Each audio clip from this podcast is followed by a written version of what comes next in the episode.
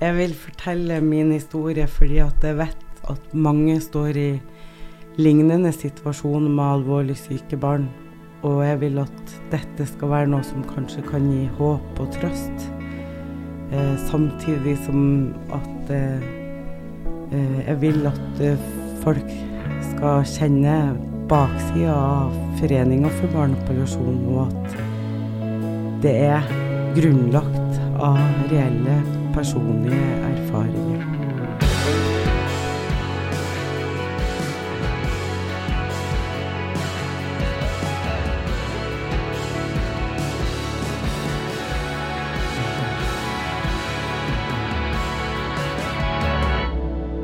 Hvert år har rundt 4000 barn i Norge behov for lindrende behandlinger for sykdommer de ikke kommer til å overleve. Tallet er økende. Foreningen for barnepalliasjon, FFB, er en landsdekkende, frivillig, politisk, livssyns- og diagnosenøytral organisasjon som jobber for at de alvorlig syke og døende barna, sammen med sine familier, kan fullføre livet på en trygg, verdig og best mulig måte. Uansett om barnet har dager, måneder eller år igjen å leve. En av dem som vet hvordan det er å ha et alvorlig sykt barn og hva slags kontinuerlig livskrise det innebærer, er FFBs grunnlegger og generalsekretær Natasha Kjærstad Pedersen. Mitt navn er Tommy Halvorsen. Jeg møtte Natasha for første gang i 2007. Jeg i rollen som journalist, og hun i sin tilstedeværende rolle som mamma til den gangen 14 år gamle Andrea. Det første som slo meg, var engasjementet, varmen, ja, og sånn høye nordnorske latteren og galgenhumoren, da. Og jeg husker selvfølgelig Andrea. Hun satt i rullestolen sin, med et lett smil som avdekket en munn med noen tenner for lite.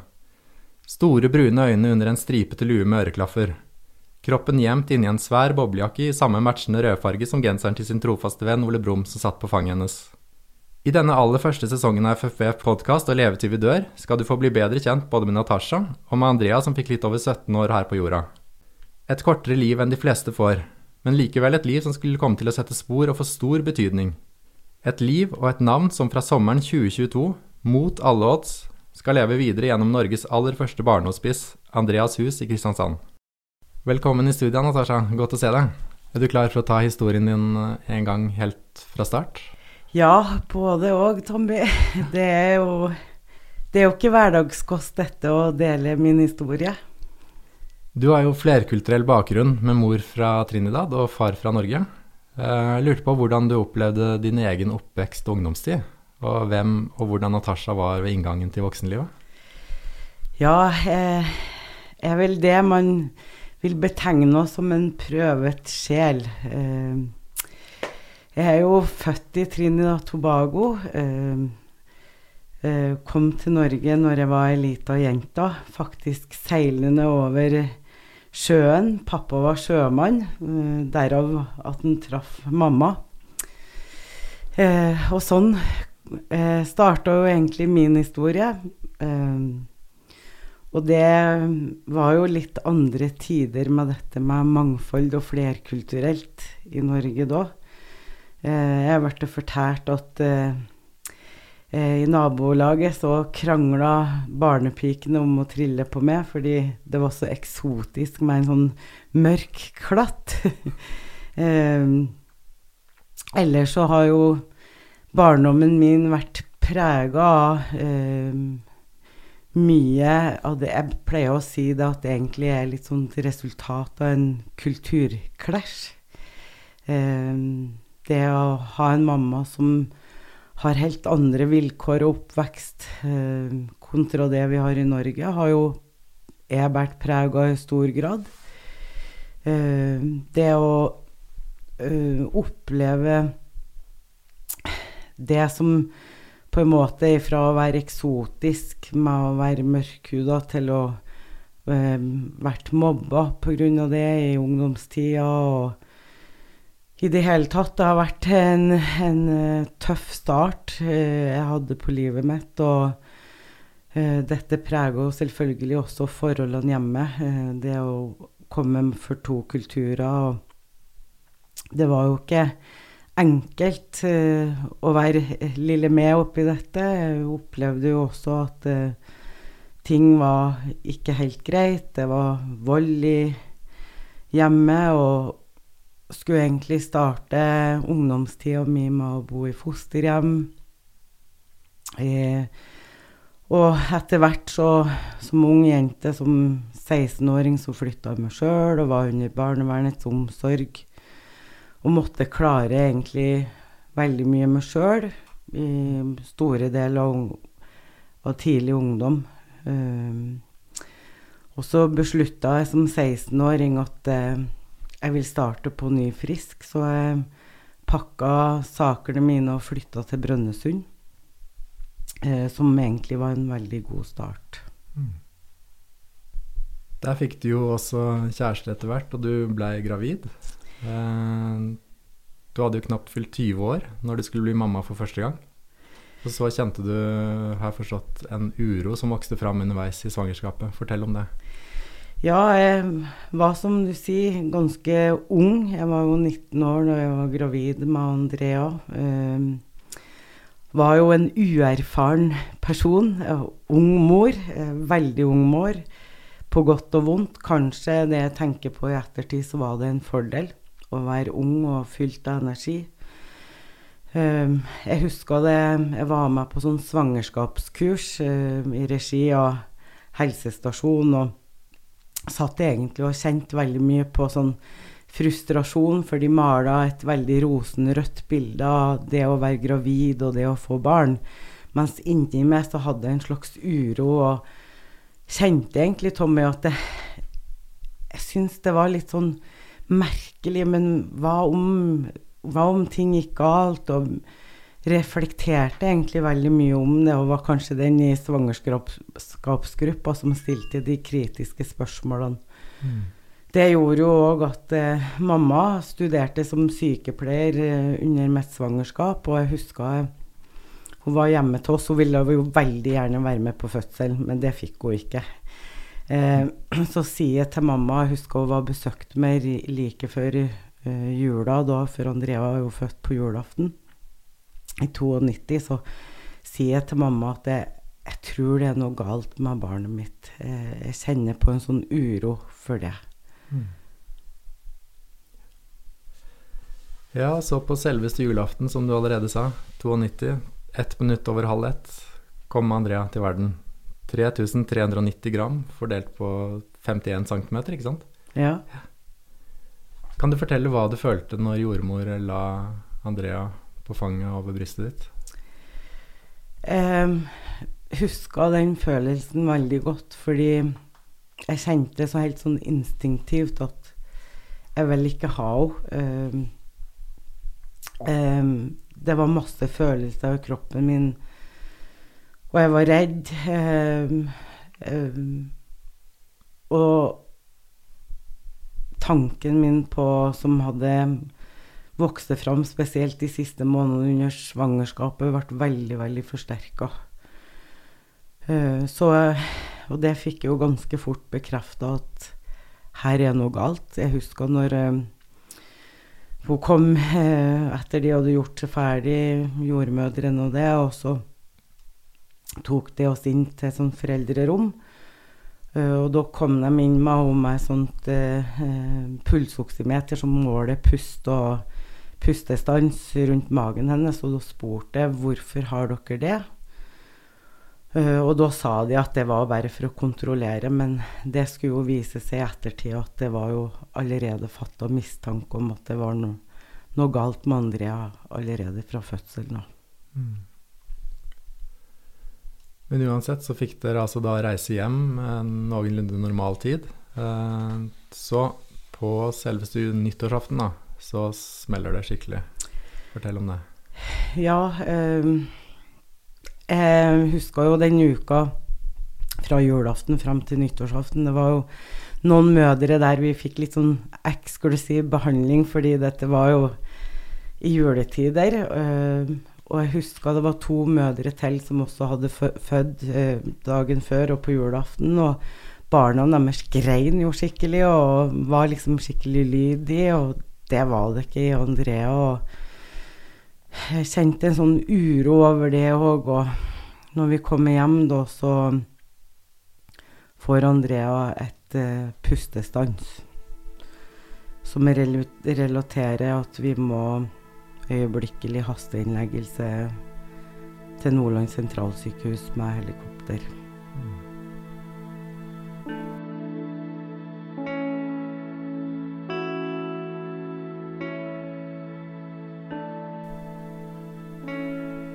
Nå forstår man jo at ting går fort, og det blir kaos. Uh, det er sikkert ganske uvirkelig, vil jeg tro, for en nybakt mor å havne i den situasjonen. Kan du fortelle litt om hvordan du når, når du på en måte virkelig forsto alvoret, når det sank innover deg at Andreas liv, og dermed også deres liv som familie, ikke kom til å bli sånn du hadde sett for deg og drømt om?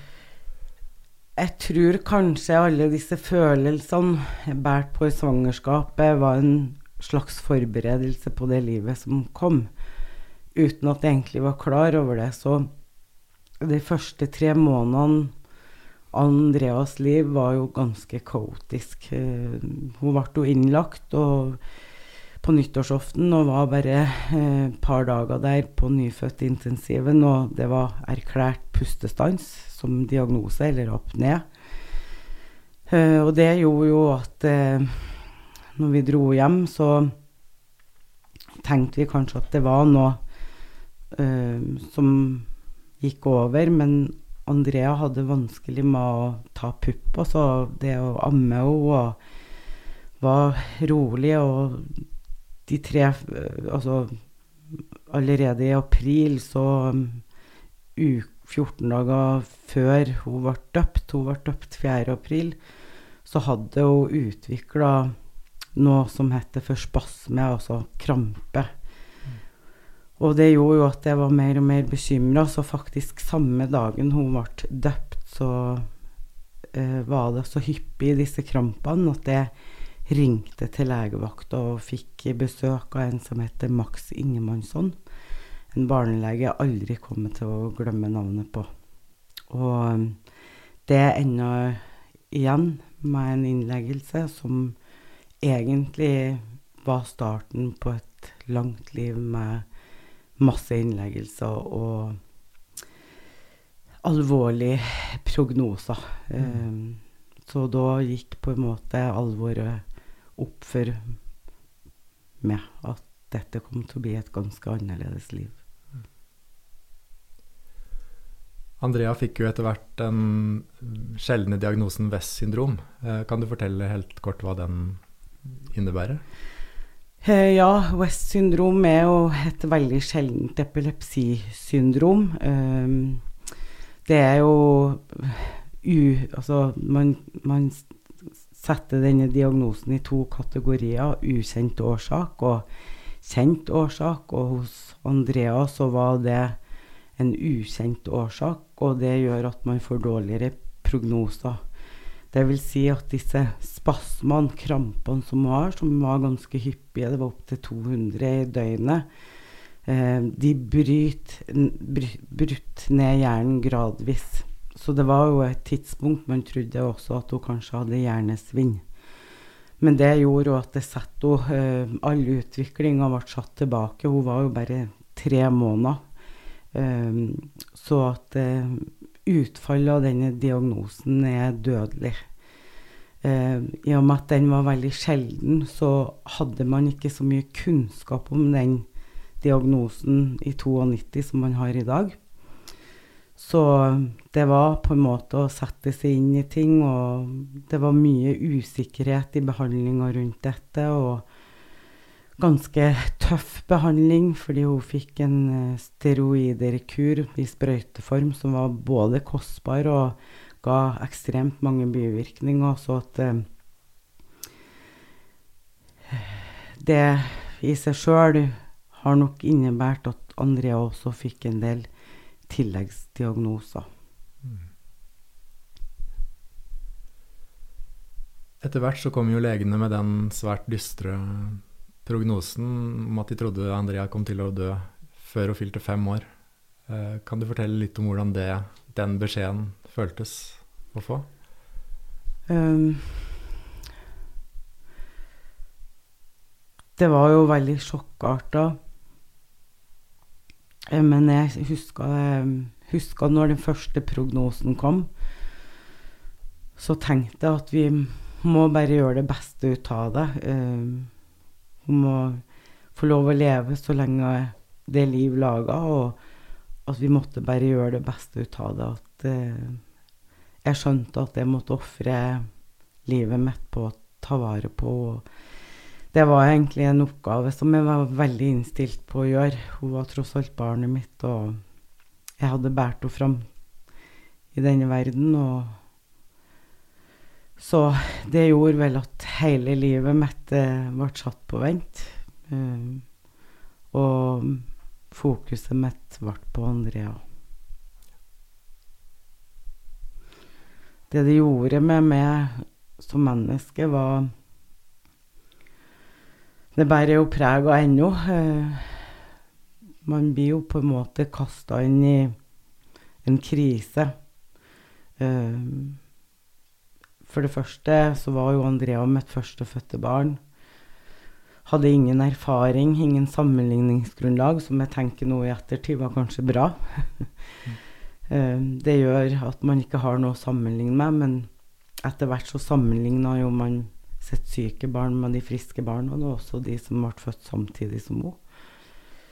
Og det var vondt. Eh, jeg følte meg veldig ensom.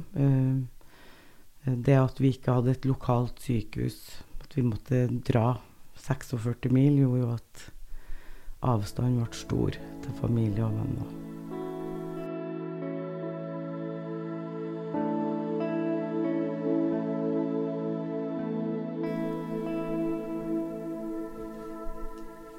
Du og Andreas sin pappa opplevde jo det som veldig mange foreldre opplever når de får uh, alvorlig syke barn. At det ble vanskelig å ta vare på parforholdet. Eh, dere gikk fra hverandre. Mm. Eh, kan du si litt om hvordan du, du følte det å, å brått da stå mye mer aleine i den livskrisa som du hadde havna i? Det var ganske tøft å være alenemor med et så sykt barn igjen var hyppig på sykehus. Det er tap av relasjoner og vennskap. Det er vanskelig for andre som står utenfor å forstå dette når det blir så hyppig, og det er mye snakk om sykdom. Så jeg følte meg ganske ensom og forlatt. Eh, var prega av frustrasjon og trodde at ingen ville komme til å kunne elske meg igjen. Fordi at jeg hadde så mye i bagasjen, og, og eh, denne ensomhetsfølelsen ble ganske betydelig forsterka med å være alene. Men samtidig så var jeg opptatt av å være en god mor. Gjøre det som måtte gjøres, og fokuserte på det. Og så prøvde også å finne eh, arenaer som jeg kunne hente energi og bygge meg sjøl opp. og det gjorde jo at eh, gymnaset, som ikke jeg ble ferdig med pga. svangerskap og fødsel, og at hun ble syk, det, da tok hun opp igjen fagene og prøvde på en måte å reorientere meg og, og skape sakte, men sikkert et liv utenom det å ha et sykt barn, som var veldig viktig for meg.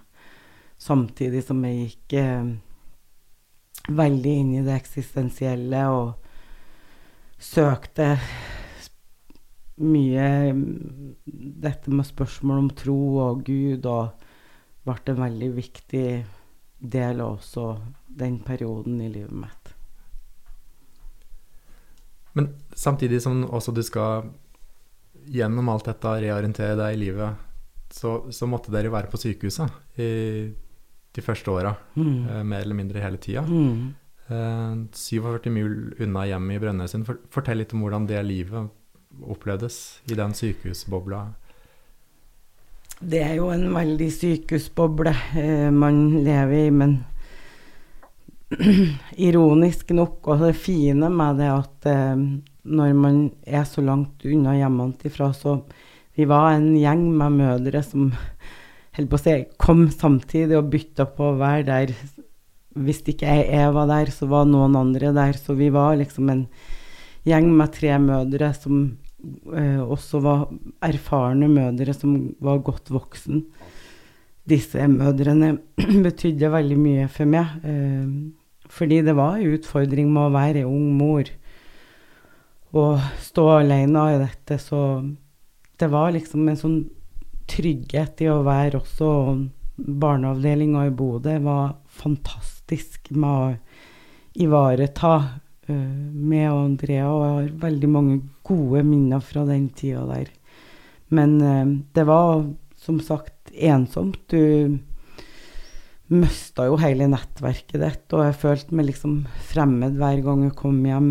Uh, det var mye trøst i å shoppe og spise og Det var jo et veldig sånn kunstig liv uh, innafor sykehusets vegger. Husker det at uh, jeg var veldig takknemlig for å få komme på barneavdelingen Bodø hvis det kreftrommet altså De hadde egne rom for barn som hadde kreft, og det, hvis det ikke var noen der, så var vi så heldige å få være der, og da var det litt mer hjemmekoselig, og det gjorde at situasjonen var litt bedre. Men uh, det var en ekstrem påkjenning å holde på å reise att og fram. Mm. Det forstår jeg. Du og Andrea, jeg fikk jo se at dere hadde en veldig spesiell kontakt dere imellom. Eh, Andrea hadde jo ikke ord. Eh, men allikevel, du har fortalt at Andrea ble din ledestjerne. Eh, hva legger du i det? Nei, altså De fleste som kjenner historien om Ole Brumm og Kristoffer Robin, eh, vet jo at det er jo Kristoffer Robin som på en måte er din kloke og rådgir Ole Brumm. Det jeg har skjønt i ettertid, at uh, Andrea var egentlig min Kristoffer Robin. Um, hun var jo veldig glad i Ole Brumm. Mange ganger så tenker jeg at uh, det var hun som bærte meg i fanget sitt. Og Andrea har faktisk lært meg det som er viktig her i livet. Dette må være nær. Se mennesker. Det å tenke at du er god nok sånn som du er. Uh, hun lærte med betydning at uh, ord er på en måte overflødig. Det handler om å kjenne, føle, sitte. Uh, så at uh, hun er ennå ei ledestjerne for meg. Uh, verdien og det å være et menneske har, har hun virkelig lært meg betydningen av.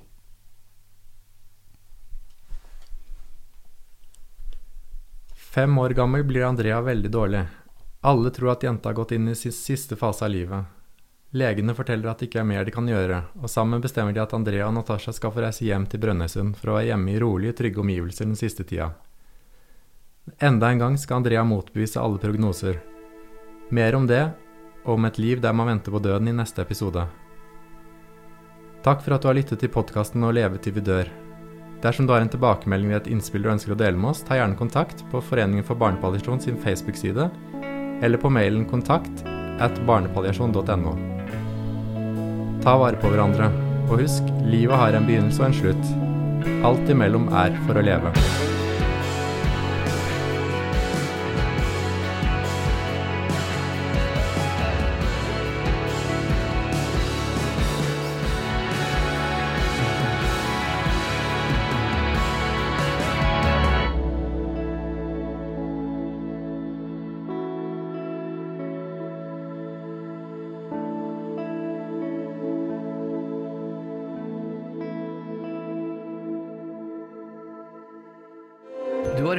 Podkast produsert av Pressure.